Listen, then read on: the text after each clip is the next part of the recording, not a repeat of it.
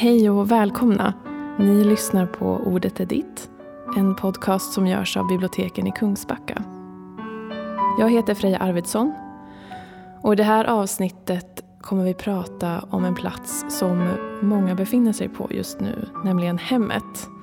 Det råder ju en pandemi i världen och många både uppmanas men också tvingas eh, vara hemma. Dels jobba hemifrån eller att de kanske har förlorat sina jobb. Eller att man är sjuk. Eller att eh, man inte ska gå ut för att man riskerar att bli sjuk. Med mig idag har jag musikern och förläggaren Anders Teglund. Välkommen mm. hit. Tack så mycket. Fint att få vara här. Ja, kul att du är här. Vad betyder ordet hem för dig? Oj, bra fråga. Eh, nej, men det är väl en, eh, en plats och som kanske dels är fysisk, att man har hem där man bor. Sådär. Men den har ju också många fler dimensioner som är mer eh, kanske själsliga eller hur man, hur man finner sig i världen. Typ. Man, mm. Många kanske upplever att man har hem på flera olika platser eller typ att man bor inte i sitt hem eller man känner sig inte hemma där man bor. Eller så känner man sig hemma där man bor bara. Eller du vet, så att det, att det liksom går att skilja på det. Um, om man har vuxit upp på en plats så, och sen inte bor där så säger folk kanske så men nu ska jag hem till mamma och pappa. Och så sen när man är hos mamma och pappa så säger man nu ska jag hem mm. till där jag bor. Mm. Uh, så det är lite flyttande sådär. Uh, det gillar jag verkligen. Mm, att man kan ha flera hem. Men att det också är en mm. känsla. Mm. Ja, att känna precis. sig hemma. Eh, det går ju att då... All, alltså man blir aldrig riktigt klok på vad, ett, vad hem är. Eftersom det ändras hela tiden. Och det tycker jag är bra. För det är också lite möjligt att då eh, eh, själv på något sätt... ja, men man har liksom ganska mycket egen, egen makt över, över hem på ett sätt. Mm. Sen kanske man inte har det på annat sätt, men, men i huvudet har man det ändå. Liksom. Mm. I, i, I många... På många sätt, men inte alla. Liksom. Är man hem, alltså, tänker jag, nu börjar jag tänka på så här, hemlöshet, vad innebär det då? Ja, det är oftast en fysisk liksom, begränsning och ett utanförskap och fattigdom och sånt där. Eh, då är det inte lika lätt att säga så ja, men du kan ju kanske skapa hemkänsla i huvudet. Typ. Nej. Det känns som en, en um, skymf. Ja. Så ja, det blir lite svårt att vara så generell och det tycker jag är också bra med mm. hem. Att det går inte riktigt att säga så här, men det här är hem och så här ska vi förstå det. Alla människor. Nej, jag håller med. Det är både liksom hem som i en bostad som mm. blir väldigt konkret och väldigt liksom Ja, men också förknippat till kanske något man äger eller hyr mm. eller köper eller hyr i andra hand eller svart i tredje hand. Att det, liksom, mm. att det är en väldigt sån tydlig markör med bostad. Mm. Men samtidigt är hemmet också väldigt mycket identitet. Mm. Och ja, men som du säger, man kan känna sig hemma på andra platser än sitt hem. Mm. Eh, det som också blir intressant idag när många måste vara hemma är ju att man kanske förlorar andra hem. Att man kanske förlorar ett hem som är till exempel ute på stan på ett Just café. Eller, liksom, mm. eller den här hemmakänslan kanske inte nödvändigtvis befinner sig hemma utan det kanske är när man är Ute. utanför sitt hem. Mm. Om man bor väldigt trångt till exempel.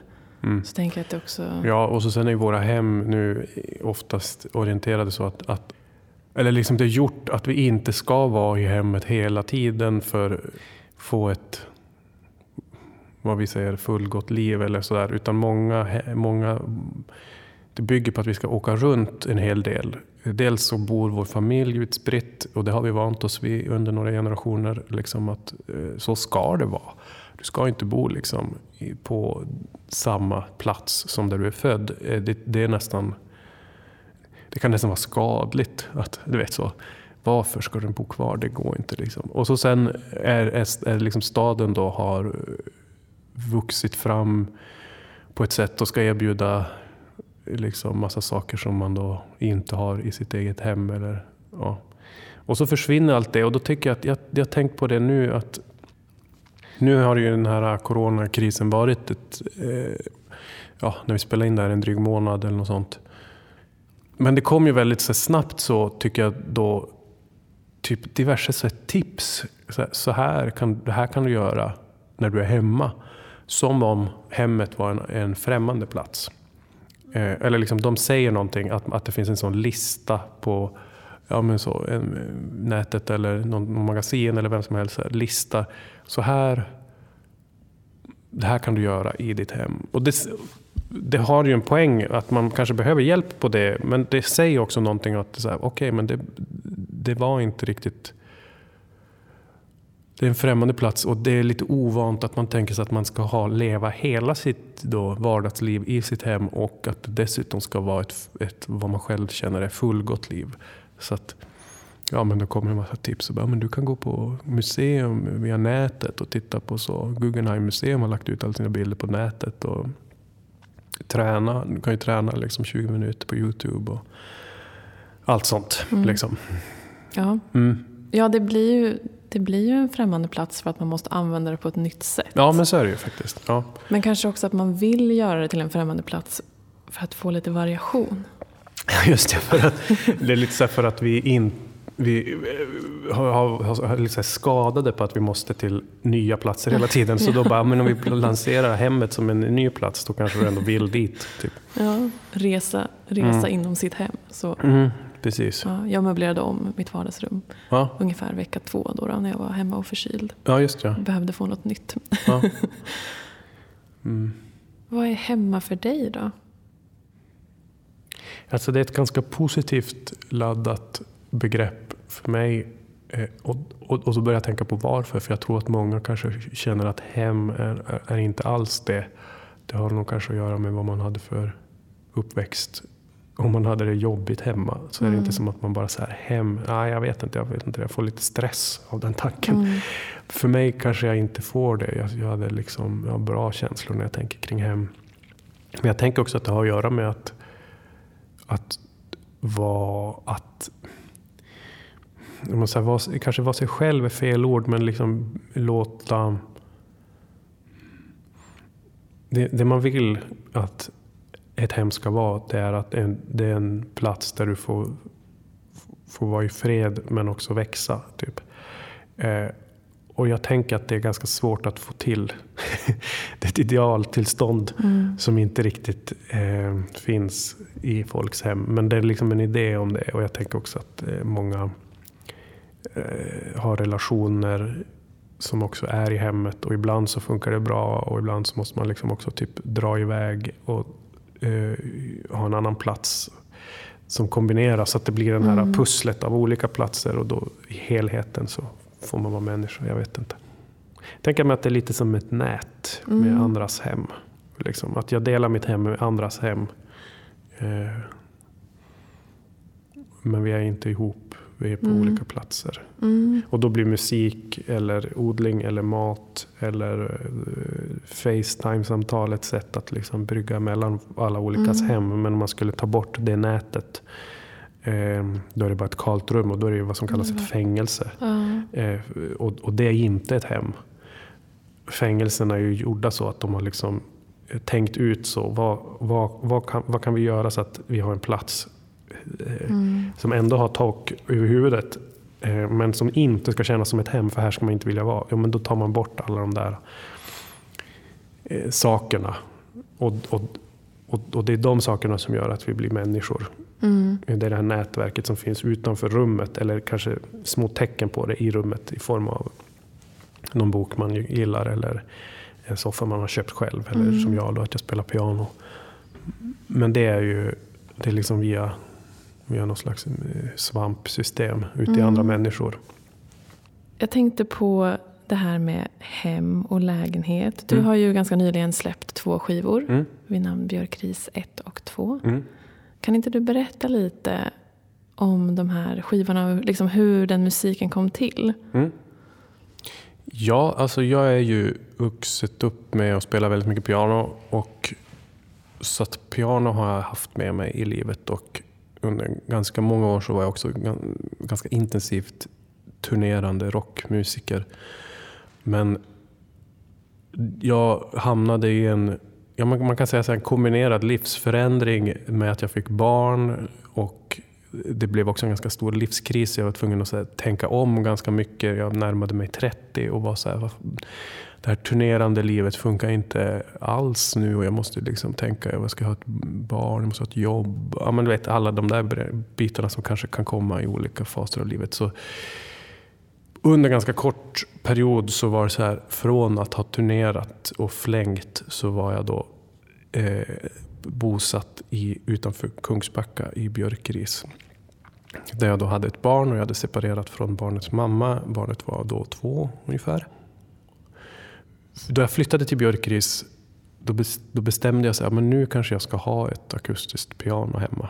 Liksom. Det, det vore fint. Och dagen efter jag hade flyttat in så gick jag och min brorsa och spanade på Erikshjälpen efter lite så husgeråd. Man har flyttat in i en ny lägenhet och typ också separation. Man kanske behöver, man kanske plötsligt, ja, men jag har ingen gryta. Eller det kan vara lite så husgeråd som man plötsligt fattar sen som man måste skaffa. Och, och där stod också ett piano på, så vanligt skolpiano som det kallas. Eh, som jag satte mig och spelade på. Och då, jag blev lite så fast i det. Jag satt och spelade och så kom en, en äldre kvinna och la en all, hand på axeln. Mm. Det här var innan corona, hör ni.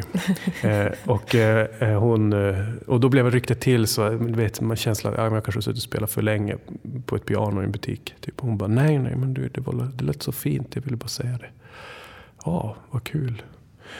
Och då tog jag det lite som ett tecken. Så jag tänkte att ja, jag ska köpa det här pianot. Och så gjorde jag det.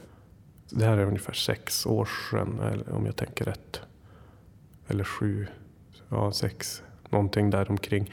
Sex år sedan borde det vara. Jag hade kommit från en tillvaro där musik alltid var någon form av ehm, kanske då projekt eller det fanns en plan eller det fanns en, en, ofta en uppgift att knyta till att man sitter och spelar till exempel att få ihop en låt eller lära sig någonting som måste bli bra. Eh, Eh, så det ville jag lite bort från. Jag tyckte också var ganska trött också när jag satt och spelade. Och, och det var oftast att jag fick en liten stund efter att min dotter hade somnat.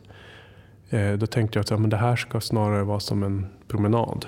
Mm. Typ för att på tal om det att vara låst till sitt hem så är man ju det om man har ett litet barn som som om man är ensam vuxen så kan man inte gå hur som helst. Man kan Nej. inte bara säga, men okej, men eh, du sover så att jag tar en promenad, vi hörs.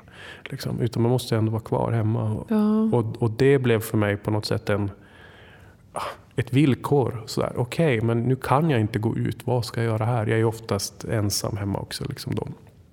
Och då tänkte jag att men jag skulle helst vilja ta en promenad. Men det går inte. Så då tänker jag att nu spelar jag en stund på pianot och det ska vara som en som en promenad. Och mm. ungefär samma... Ja, men jag har samma, hade samma liksom, kanske då förhoppningar eller tankar om vad jag håller på med. Eh, och en piano, pian, alltså om man, man jämför då med att typ komponera musik eller så, då har man ju vissa frågeställningar. Men en promenad ställer man ju inte en sån fråga. Så är det här en unik promenad? Eller är det här, den här promenaden känns som en klyscha. En kopia på en sån väldigt fin promenad som en av mina favoritflanörer har gjort. ja men du förstår, man frågar inte sig det. Man tänker inte så att början av promenaden den är lite tråkig. Eh, den borde vi byta ut. den är ju alltid där. Liksom. Mm. Och den är där och så sen är den slut. Och då tänkte jag så här, och ungefär så blev det för mig att jag spelade piano. Och eh, det blev också improvisation då varje gång. Att jag också tänkte att det som jag spelar nu, det ska inte behållas. Eller jag ska inte liksom eh, eh, hålla på så mycket med det. Utan jag sitter ner och improviserar en stund och så sen är det över. Och eftersom jag bor i en lägenhet så tänk, har det som också smugit sig på någon form av medvetande eller anpassning till att man också kanske har grannar som hör detta. Eh, och då vill man ju föregå att de ska tycka att det är störigt på något vis. Och, och, och en sak som jag tänker, man ska ju helst spela svagt, eh, kanske inte larma på det värsta. Och typ försöka hålla sig till rimliga tider och inte sent och sådär. Men, men det är också att man... Eh, jag tänkte också att det var bra det här med typ att improvisera för att om man hör en granne spela lite piano, eh, det kan ju hända. Liksom, även, i, även i Björkris tydligen. Eh, och då är det ju störigt kanske om man får höra samma melodi varje kväll. Eller liksom så här, även om det är en fin... Jag tänkte att så här, det första, det ska vara bra det som jag spelar nu.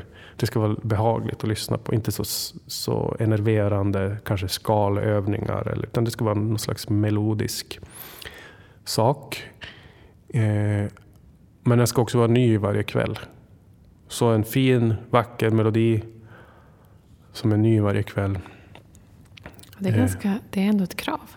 Ja, men det är ändå ett, ett, ett, så, mm. ett sånt... Det blev en, en ram kring det. Mm. Men eftersom jag inte skulle liksom behålla någonting heller så... Mm. Det spelar inte så stor roll vad det blir. Utan, eh, alltså rent konstnärligt är det jättemycket syre i det här sättet att mm. spela på. Liksom. Det är ingen piskad någonstans. Eh, och det är också så att jag befinner mig inte, jag utmanar inte liksom... Det är inte det är inte utmanande på det sättet. Det här, jag tänker mer så att jag tog det lite som att okej, okay, vad behöver mitt hem? Mitt hem, om vi pratar om hem då, eh, det behöver för mig tycker jag, ett, ett, eh, ibland så behöver man städa det. Det är ju trevligt om det är möblerat så att man trivs eh, om man kan. Eh, men jag tänker också lite sådana här blomväxter är bra för hemmet. Jag började också baka ganska mycket och det var inte för att jag typ älskar bröd eller bullar så mycket utan mer bara som ett sätt att Eh, sprida ut element i hemmet som, mm. som skapar trivsel. Och, och då är mm. pianomusiken också det. Så då tänker jag att så här, pianomusiken är mer som en sån, det är en klang för mm. hemmet. Det är alla sinnen. Det är lukten när man bakar och värmen när man bakar. Ja, och sen visuellt precis. med växter. Ja, och taktilt med växter. Och mm. sen också då ljudet. Och taktilt med pianot, tänker jag. Så är det. Eh, och, och, så, och, och, det här har liksom blivit så ett sätt för mig att eh, vara eh, snarare än att eh, prestera. Typ. Mm. Typ. och, och, för mig var det liksom en utmaning i sig. Mm. inte lagd så. Jag är inte så. Ja, men för kreativt tänker jag att man mår ju också bra av eh, begränsningar. Ja. Och det blir ju en begränsning då, alltså tidsmässigt. Jo, jo. Liksom. Men sen också begränsningen i att inte spela samma. Mm. Och att det ska vara vackert. Men då har jag en fråga. Mm. Hur blev det låtar då, då? Hur kom du ihåg ja. dem om du inte spelade samma? Nej men precis. Eh, det, det, är var, ju det, två album med två instrumentella album. liksom pianostycken. Ja. Och det är ju, vad är det, sex låtar per album? Nej. Mm, något sånt. Ja. Jag kan inte exakt hur många mm. det är, men det är något sånt. Mm. Sex, sju stycken. De är en timme eh, eller något sånt. 45 ja. minuter, en timme. Eh, nej men det fanns teman som jag kom in i. Som ändå var så här, ja, men det här är någon slags eh, cirkel. Det här är en melodi. Eh, men jag bestämde mig aldrig liksom för hur den skulle liksom vara färdig i sin form. Så jag hade ändå några sådana. Eh, och det gick till så att min vän Hans, han, jag la ut faktiskt, det var så att jag la ut ett litet klipp på Instagram det är väldigt lätt att man gör det om man har ett piano och mm. spelar på. Att plötsligt så ligger, vill man lägga ut på. Det, det gjorde jag. Och så, då så sa han så här, men du det vore fint att spela in din, det du håller på med där hemma på kvällarna. Och då så var min direkta respons var ju så här, ja vad kul att göra en pianoskiva. Eh, det vore ju häftigt liksom, att någon vill det. Men det är inte liksom som att jag har färdiga låtar. Eller du vet, så här, hur ska man göra med det? Och, jag spelar. Det, det, finns några teman snarare som jag aldrig lyckas bestämma hur de ska vara. Eller du vet, jag börjar och slutar olika och ibland är de kort, ibland är de långt och lite så. Och då sa han, men vi åker hem till dig. Så att han kom hem till mig i Björkris och så spelade vi in snarare så det jag gjorde där eh, på det pianot. Eh, alltså det kan ju låta i det kan ju låta enkelt, men det vanliga när man ska göra en musikinspelning det är att man frågar sig så här, okej, okay, men vilket, vilket är det finaste pianot vi kan få tillgång till? I det bästa rummet, eh, med de bästa förutsättningarna och med de färdigaste låtarna. Eh, och det här var ju liksom, alla de led gick vi ju bort ifrån. Mm. Och då kom han hem till oss och mitt piano är... Jag frågade också, ska vi inte stämma det? Han bara, nej men det, man hör att det är ostämt och det är lite fint. Det är lite så att vi ska vara hemma hos dig. Mm. Han hade också mikrofoner på balkongen och i köket och lite så, så att man får lite rumskaraktär. Mm. Och då var det så att han kom till mig fem tillfällen eller något sånt och så spelade jag olika bitar. Och, en hel del av det är improviserade saker som okay. jag liksom inte... Han bara, okej okay, men nu kanske vi skulle kunna ha någonting lite långsamt. Eh, det har vi inte. Och så då satte man, okej okay, men något sånt här då. Typ, och så fortsatte vi liksom i den. Så att det är väldigt mycket improvisationer. Och det finns en på... Alltså det finns ändå spår som är liksom tydliga, kanske de melodier. Eh, och de ju, har ju ändå så bestämt eh, att det ska vara de här ackorden och lite sånt. Men jag visste inte när jag skulle spela in dem hur långa de skulle bli. Och grejen är att jag spelar ganska mycket fel. Eh, men det har jag gjort alltid. Men, på något sätt mörkar det genom att följa med snarare än att säga så här, nej vänta nu blev det fel. Mm. Utan bara, okej okay, det, det gick över nu till den här delen tydligen. Så att jag är inte riktigt i... Det är som när man går en promenad och ja, så går man fel, ja, man liksom går vilse lite. Ja, men precis. Så får man, man fortsätta följa den vägen. Ja, och jag känner lite så att när jag spelat det här så har jag inte själv eh, kontrollen utan jag är lite så här efter och försöker hantera mm. Det som, spe, som fingrarna gör och på något sätt säga oj, gick du hit nu? Eh, Fissdur alltså. Det är ju, vi skulle ju liksom vi skulle till F ur. Det här blir svårt att ta sig ur. Jag måste göra det på ett sätt så att det känns rimligt. Och då måste jag liksom eh, lösa det. Och, på så sätt uppstår liksom improvisationen. Att försöka mörka olika felsteg som händer. Mm. Och så är, så är inspelningarna gjorda. Mm. Eh, och eh, ganska mycket liksom. Det finns en, ett spår som heter En standardhöjande åtgärd som är ganska lång. Och den hade aldrig varit så lång tidigare när jag spelade den, men jag bara fortsatte. Och så var det som också som att mot slutet, eller liksom... Ja men nu när man lyssnar på den så här, mot slutet, då är det som att låten bara så stannar upp från att ha varit ganska intensiv. Och det som händer då, det är att typ en tangent slutar låta. Och jag mhm. bara, oj, vänta nu, vad hände här? Och, och då fick den liksom ett slutparti som var jätte, liksom, först ganska långsamt och så sen jätteaggressivt. Och det var också bara att jag bara, hur, hur ska jag ta mig ur det här? Och så slutade det med något vers, liksom ganska skarpa så ackordsslamriga saker. Och eh, när man lyssnar på det så känns det liksom som att okej, okay, så det var så här det skulle vara. Men jag tänker mycket på det. Det var verkligen bara, det var bara en, en, en eh, lycklig slump. Eller så, mm. så, som den. Och så gjorde vi ganska mycket. Liksom, att det fanns en, stor tolerans för det. Mm. Musiken skulle handla om eh, det här eh, livet i en hyresrätt, tänkte mm. jag. Och låttitlarna heter också så. En standardhöjande åtgärd. Längst in i skåpet, Tape. Chips Swish Play. Precis, du kan dem. Vad bra. är rolig Ja, den är rolig. Men lite, så, lite bilder från ett hem ska man ändå få. Mm. När man, och, och, och Därför heter den också Björkris. Liksom, ja. Så att det blev ett sätt att så... Uh... Men de här titlarna på mm. låtarna, mm. Är de liksom, har de bara kommit till dig eller har du liksom så tänkt att lyssnat på din inspelning och mm. sagt att det här är då Trötta barn i trapphus? ja. eller... Ja, vi hade väl både, vi hade, jag hade en, en liten workshop med, med några och spånade fram liksom utifrån konceptet, okej okay, det ska vara hyresrätt, vardagsliv, eh, barn, något litet barn här och var. Liksom. Och sen så placerade jag ut då på hur, hur, vilken låt som jag tyckte skulle kunna passa. Eh, och jag, jag tycker att det, det, var viktigt ändå att det var så här, på något sätt någon, någon, form av koppling till hur de lät såklart. Och så vill jag också att det skulle kännas lite som en...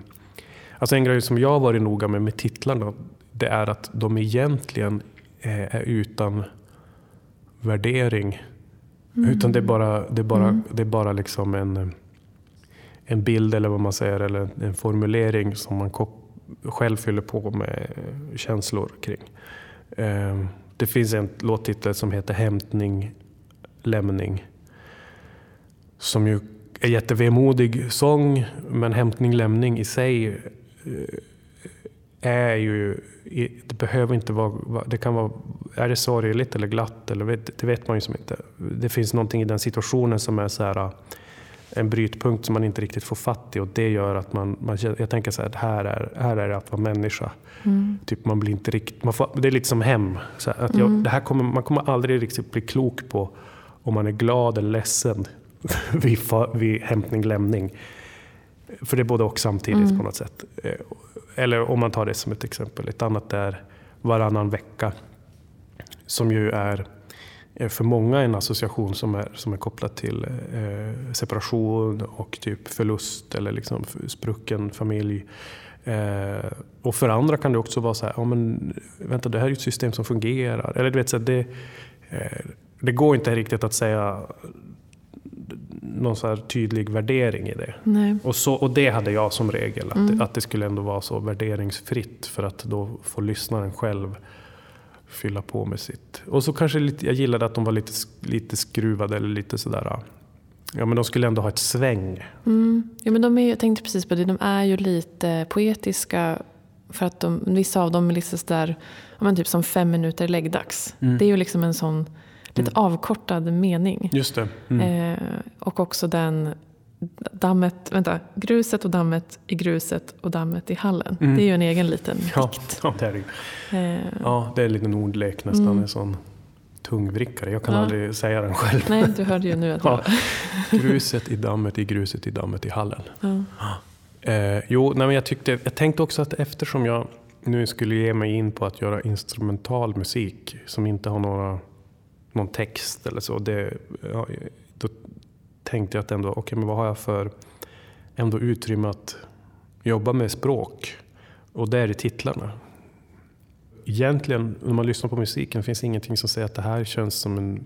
Är det här musik om livet i en hyresrätt? Det är bara massa toner liksom. Men folk tolkar det ändå som det. Uppfattar det som, och jag mm. säger det genom vad den heter och omslag och mm. låtarnas titlar så förklarar man det och då är man som så okej, okay, jag ser framför mig hur någon sitter här och, eh, på kvällen. Och, mm. ja, men, så här, det var liksom en plats som fanns. Att här, och jag tyckte liksom det kändes, skulle kännas jättetråkigt för mig då att om jag hade ett, ett spår som var så här 12 minuter, om det skulle heta så pianoklang i C-moll. Mm, ja. Som de ju ofta heter. Så ja, instrumental musik har liksom ja. inga titlar. Nej, de heter ofta så 1, 2, 3. Ja, precis. Och det tycker jag känns så för mig, för, för mig en ganska minimalistisk hållning. Det är också, jag tänker att de här titlarna också öppnar upp det för den som kanske inte själv spelar. Alltså mm. om man själv spelar piano då kanske man tänker ah, den här titeln i sån mm. pianoklang, någonting i moll. Mm. Mm. Det är liksom, då förstår man. Men det mm. här är ju liksom alla som bor i en hyresrätt, alla som mm. har barn har ju, liksom, mm. har ju hört de här sakerna, alltså titlarna. Liksom.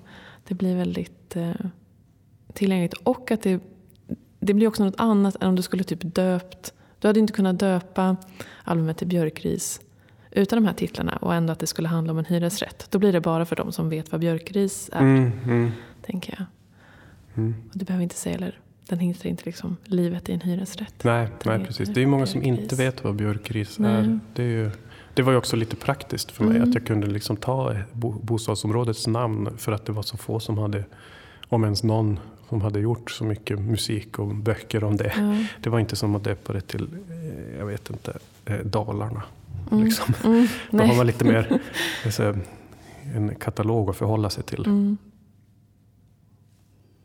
Det här med grannarna mm. och att du tänkte mycket på att de liksom skulle få fin musik eller inte behöva höra mm. samma låt om och om igen. Mm. Har du hört något från dina grannar? Har ja, sagt ja något? men både, både och. Ska jag väl säga. Först så bodde jag väldigt många år och då funkade det väldigt bra. Och min, mina grannar sa en gång så, ja, men vi hör det du spelar, det låter jättefint. Ville bara säga det.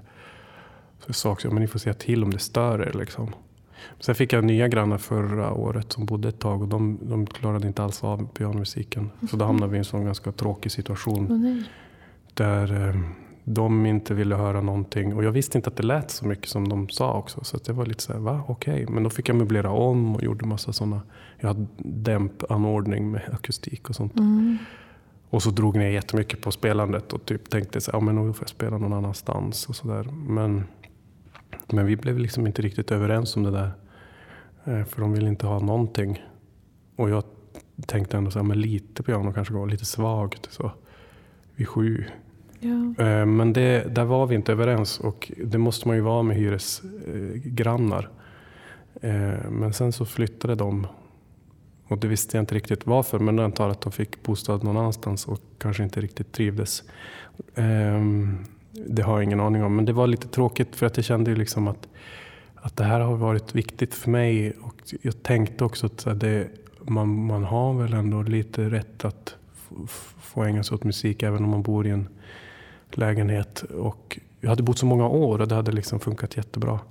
Ehm, men nu bor de inte kvar och eh, jag har fortfarande liksom lagt upp mitt pianospelande så att jag spelar ganska mycket piano på andra platser och har mitt piano lite mer som att jag bara sitter vid det, nästan som en gammal hund och klappar på det. Och så här. Så det finns kvar, jag spelar lite grann på det, det är fortfarande då som, liksom, kan man säga, dämpat och så riggat för, för akustiken. Eh, och så har jag ett litet elpiano som jag drar fram som kan vara helt tyst. Liksom. Så jag har typ anpassat, Mm. anpassat mig jag tänker att, att ehm, ja, den här, jag kanske gick så långt eh, för att, det, för att jag hade möjlighet förut. Liksom, och nu tänker jag att jag inte vill utmana någon på det sättet. Men det här har också blivit, jag, alltså jag tänker musiken för mig, den måste vara mm, villkorad. Alltså det är liksom en återspegling av min livssituation. Okej, nu blev det så här. Nu kan jag inte spela. Det jättestort hinder för mig plötsligt. Från att ha typ, inte bara så spelat en hel del hemma, gjort två skivor om det. Gjort det verkligen till en grej. Typ, så här, Va, ska inte jag skulle spela piano i min hyresrätt? Det var ju, det var ju hela poängen. Eh, och, och då får jag så här tänka om. Och då, då har jag liksom tänkt att okej, men då blir det ett, en ny regel här då. Och då måste jag spela på något annat sätt då hos, hos andra. Och då har jag liksom löst lite pianon som jag kan låna hos andra och då, då åker jag dit och spelar istället. Lite så.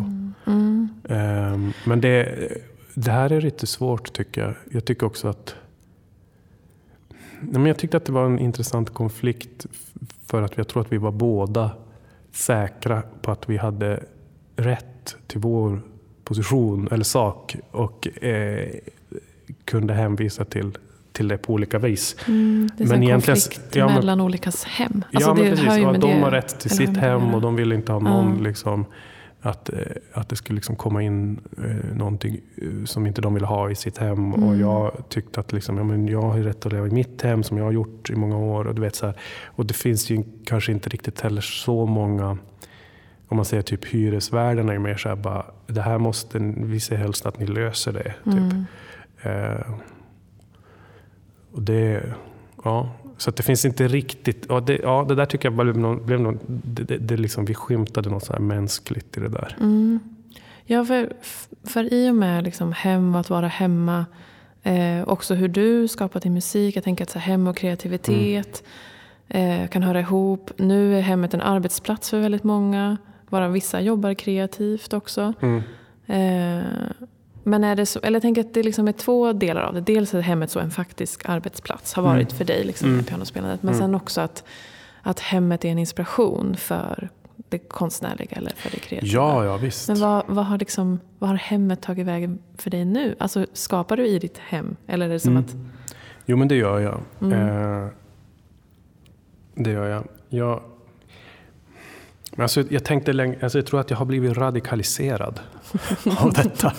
Och jag tror att det är liksom en, eh, en konsekvens av, av så positioner som kan bli så här. Eh, Och jag har då blivit radikaliserad. Dels att jag fattat också att vad viktigt det blev för mig att spela piano. Så att jag liksom planerar upp det. Men sen också så jag kan göra en dämpning på pianot så att det, så att det inte hörs alls att man spelar på det. Eh, och då, då, då är det liksom bara så här tangent, eh, fl, fl, typ så låter det. Mm, inga toner alls. Då får du lyssna liksom med det- slags nej, gehörsminne. Ja, då, eller? ja precis. Då är det Mm. liksom, men det är liksom bara då eh, fysisk kroppsövning. Och då, då, det jag då tycker blir vettigt att göra då, det är bara sådana här skalövningar som man absolut inte kan göra när någon Just lyssnar. det, de riktigt jobbiga att höra på Ja, om och om igen. Precis, men de kan man göra när ingen hör. Eller det blir ju Mm. själv trött på att höra. De är jättetråkiga. Liksom. Eh, men då pågår någon sån eh, eh, liksom annan sorts eh, höghöjdsträning. Mm. Det är en skola. Verkligen. Ja, ja. Och, och, och det, eh, så det håller jag på med ganska mycket nu. Mm. Typ att, att, och så sen så spelar jag, jag har arbetsplats, där har vi faktiskt eh, piano. Och eh, där jag har förlagsarbete. Jag jobbar mm. som, jag har ett förlag och då sitter vi i Lagerhuset i Göteborg. Eh, och jag har blivit så radikal också att jag bara håller på att rädda massa pianon och tycker att så här, vi måste mm. behålla pianon. Och eh, de på min arbetsplats gillade också den idén så att vi fick dit ett piano. Så att jag har ett mm. piano där jag kan sitta lite så på lunchen och ibland ja. hänga kvar efter jobbet om, om jag kan. Och så här. Jag har faktiskt eh. sett något klipp. Från, har du det? Ja, mm. jag tror det. Från, mm. nät, från Litteraturhuset eller Nätverkstan. Precis, där sitter jag. Instagram. Och, ja, det är fint. Ja, jo, men det är Väldigt trevligt att ja. ha det Ja, men det är jättefint. Och det är flera som sitter och spelar lite då och då. Men varför behövs pian pianot räddas då? Eller pianorna? Mm. Pianon som räddas. Jag har tänkt, jag håller på med någon slags så aktivism kring att eh, rädda pianon i vår i vårt samhälle kanske man ska säga, eller så i våra hem. För i, I Sverige har det varit ganska så eh, ett hem för att visa sin status eller liksom var, var det ganska vanligt eh, att man skaffade ett akustiskt piano i svenska hem under 1900-talet. Det pikade någon gång efter andra världskriget kanske då folk fick lite pengar.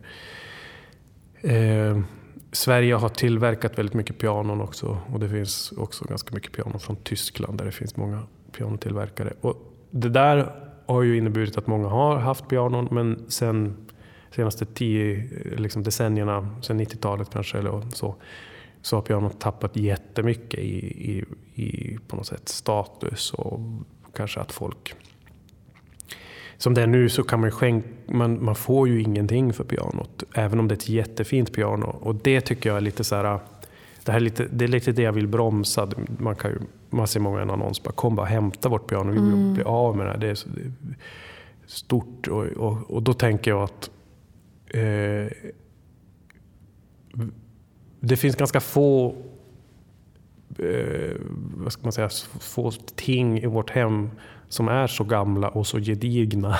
Om man öppnar ett piano och kikar vad det är för mm. slags mekanik och det här är också en, ett stort instrument som också har en trähögtalare som är två meter eh, stor och en och en halv meter hög. Eh, det finns ju någon önskan idag om att man, fatt, man försöker få fatt i något genuint och något äkta. Eller så.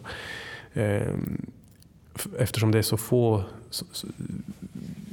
man har flyttat runt och bytt ut all sina saker mot något Ikea. Och, och då slänger folk bort pianot. Och jag förstår varför man gör det, men jag tänkte att jag vill bryta den lite trenden genom att och det är ju många andra som tycker det är så tråkigt, men jag tänker att man kan göra det genom att spela på dem. Så då har jag åkt runt och gjort så mm. hemmakonserter hos andra som har sitt akustiska piano.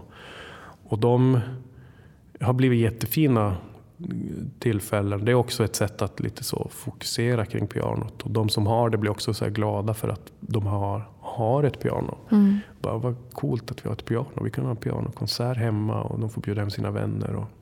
Ja, hur går en sån hemmakonsert till?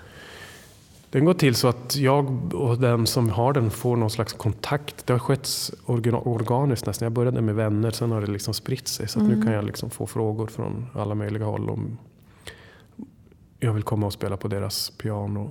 Och då lägger vi upp ett sånt, det är typ ett arrangemang. Så här. Och, och många är väldigt privata, att det, liksom så här, ja, det är ett arrangemang för de som bor där och deras vänner. Mm. Så de får bjuda in sina vänner och, eh, och så sen kommer jag dit och så säljs det biljetter oftast. Eller ibland kan det vara så att vi inte, de vill att det ska säljas biljetter och då får vi komma överens om någon sån. Om jag behöver resa behöver jag få någon slags slant. Mm. Eh, jag har ett gage helt enkelt. Och så sen så kom jag dit och de kan vara allt från att de bjuder på middag till att de bjuder på eh, salta pinnar. Och så sen så presenterar jag mig och pratar lite om pianon och eh, hur vi ska tänka kring, kring den här situationen och typ alltså kanske att, att vi måste bevara pianon. Och så sen uppmanar jag folk att ha det jätte liksom, mysigt och skönt mm. när de ligger på soffor och kuddar och madrasser. Och sen spelar jag då för dem en timme. och då är det också ganska improviserat fast utifrån de här björkrismusiken. Liksom. Det, det brukar vara dem. Um, folk somnar och vissa drönar bort lite i tankarna sådär. Och så sen, um, ja, det, det är mm. fantastiskt och jag är jätteglad för dem. Liksom. Ja. Mm. Vad, liksom, vad blir annorlunda tänker du att du kommer hem till dem istället för att de kommer till dig också kanske då i en, någon typ av konsertsal mm. eller så? Ett mm. anonymt rum? Ja, det är ganska fint för att jag tänker att musik som som, den, som vi har den just nu så är musik antingen strömmas eller liksom vi har jättestor tillgång till färdig musik. Eller om vi ska gå till uppleva den live, innan coronan i alla fall, så fanns det liksom väldigt mycket utbud i form av konsertlokaler av, i alla nivåer. Liksom. Mm. Allt ifrån din, eh, din brorsas sons demoband så fanns det ändå en liten ABF-scen i något blåsigt tält någon sån sommaraktivitet. Ja, men du förstår, alltid mm. så finns det så, ända upp till då operahus. Liksom. Så att man har liksom tänkt så att antingen har jag musiken bara i lurar som är färdig eller live så är det mm. någon annanstans.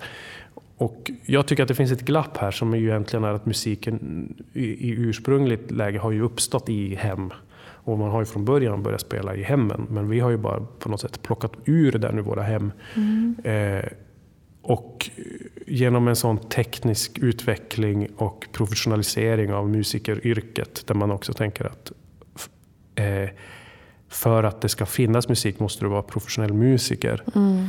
Alltså, om, man jämför, om jag tänker då pianot kopplat till hem, så tänker jag också så blomväxter kopplat till hem. Men jag är ju jag är ju inte alls liksom, eh, någon arborist. Och det måste man ju inte vara för att ha blomväxter. Och, och, så borde man också kunna tänka kring att ha ett musikinstrument. Mm. Eh, man kan vara jättedålig eh, för andra, men det spelar ingen roll. Liksom.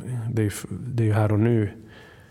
Um, ja, så, att så har jag tänkt då, att, att, att det blir en skillnad. Och, och när man då gör en sån här pianokonsert där jag kommer hem, då, då, då förstår jag att det blir lite speciellt också att det kommer en gäst, vi har en pianist. Mm. Liksom. Eh, då förhöjs ju konsert upp, nu talar jag lite så generellt, men jag tänker att konsertupplevelsen förhöjs av att man just är i ett hem. För att man, det finns en fördel som hemmet har som, man, som innebär en intimitet, närhet, kontakt eh, ja, men så akustik. Du känner pianots vibrationer liksom för att du är en meter bort. Mm. Och rummet fylls av ljud. Men när du, när du, om man ska jämföra det med en, en konsertlokal så behöver den kompensera med det genom kanske då ljudanläggningar och ljusshow eller liksom mikrofoner och allt sånt. Men det är ju egentligen för att bara, det är så långt bort. Mm. Så att om du står 50 meter bort och spelar på en akustisk gitarr så, så händer ingenting för dig. Utan Nej. du behöver liksom skala upp det. Men i ett hem så behöver man inte det, utan man får det liksom direkt. Och, det, och det är ju liksom eh, det är en himla fördel. Alltså. Man är ju också någon annan i sitt hem jämfört med vem man är på en, mm. i en konsertsal. Alltså ja, man ja, har ju liksom, jag tänker att dels är det en sån fysisk distans, alltså många meter, men man har ju också, man är ju mer liksom, när man är privat som man är i sitt hem så är mm. man också mer tillgänglig, tänker jag. Mm. Jo men det är verkligen sant. Och, och det där att, folk, att du uppmanar folk att liksom ta det lugnt, eller så här, mysa ner sig och kanske somna lite. Att det är mm. lugnet. Mm kravlöshet. Den typ. Precis, ja. den kan man, inte, man får ju inte somna i en Nej. konsertsal. Man får Nej. inte somna på bio. Alltså, får, Nej. men, Nej, men, jag, men man, ja. man, man skäms lite om man gör det. Det blir också en, en eh, jag tänker att när man är i hemmet så blir det också en annan efterklang. Rummet, jag tänker att det rummet känns annorlunda ett tag efter, efter konserten. Ja, det har du rätt i Som faktiskt. när man har haft en fest. Mm. Mm, det brukar vara jättespeciell oh, stämning efteråt. Där satt en massa människor och här gjorde vi det här. Och ja. sen liksom, mm. Man omvandlar det till något annat. Mm. Och den, det känns kvar. För att innan de där konserterna då kommer folk in och är lite så nervösa. På no, eller nervösa är att ta i, men du förstår, man kommer till en middag, man hälsar på alla mm. och så okej, okay, hur ska det här bli? Och så är det ju en annorlunda situation. Sen sätter sig folk ner och typ kanske ligger ner på någon kudde och så sen går man igenom det här en timme. Efteråt så är man ju på något sätt det har ju hänt någonting när jag Ja. vänder mig om. Och, och folk har ju varit i någon slags meditation tillsammans. Eh, och det brukar ju vara så här att efter den här pianokonserten, då är folk i någon slags själsligt tillstånd som är jättespeciellt. Och folk sitter liksom kvar och vill prata om djupa saker. Mm. Då brukar jag ibland hänga kvar och hänga med på det. Men jag blir också så trött av den här konserten så att jag brukar liksom inte... Jag är själv inte liksom... Jag har inte fått någon sån... Jag har inte fått någon vila. Nej. Det, det är väldigt ojämlikt på det viset. De har fått vila en timme och jag har inte det. Så att min hjärna brukar så stänga ner efter, en timme efter konserten. Mm. Då är det som att jag bara säger nej men nu... Och då brukar jag liksom bara gå. Liksom. Mm. Så fortsätter det.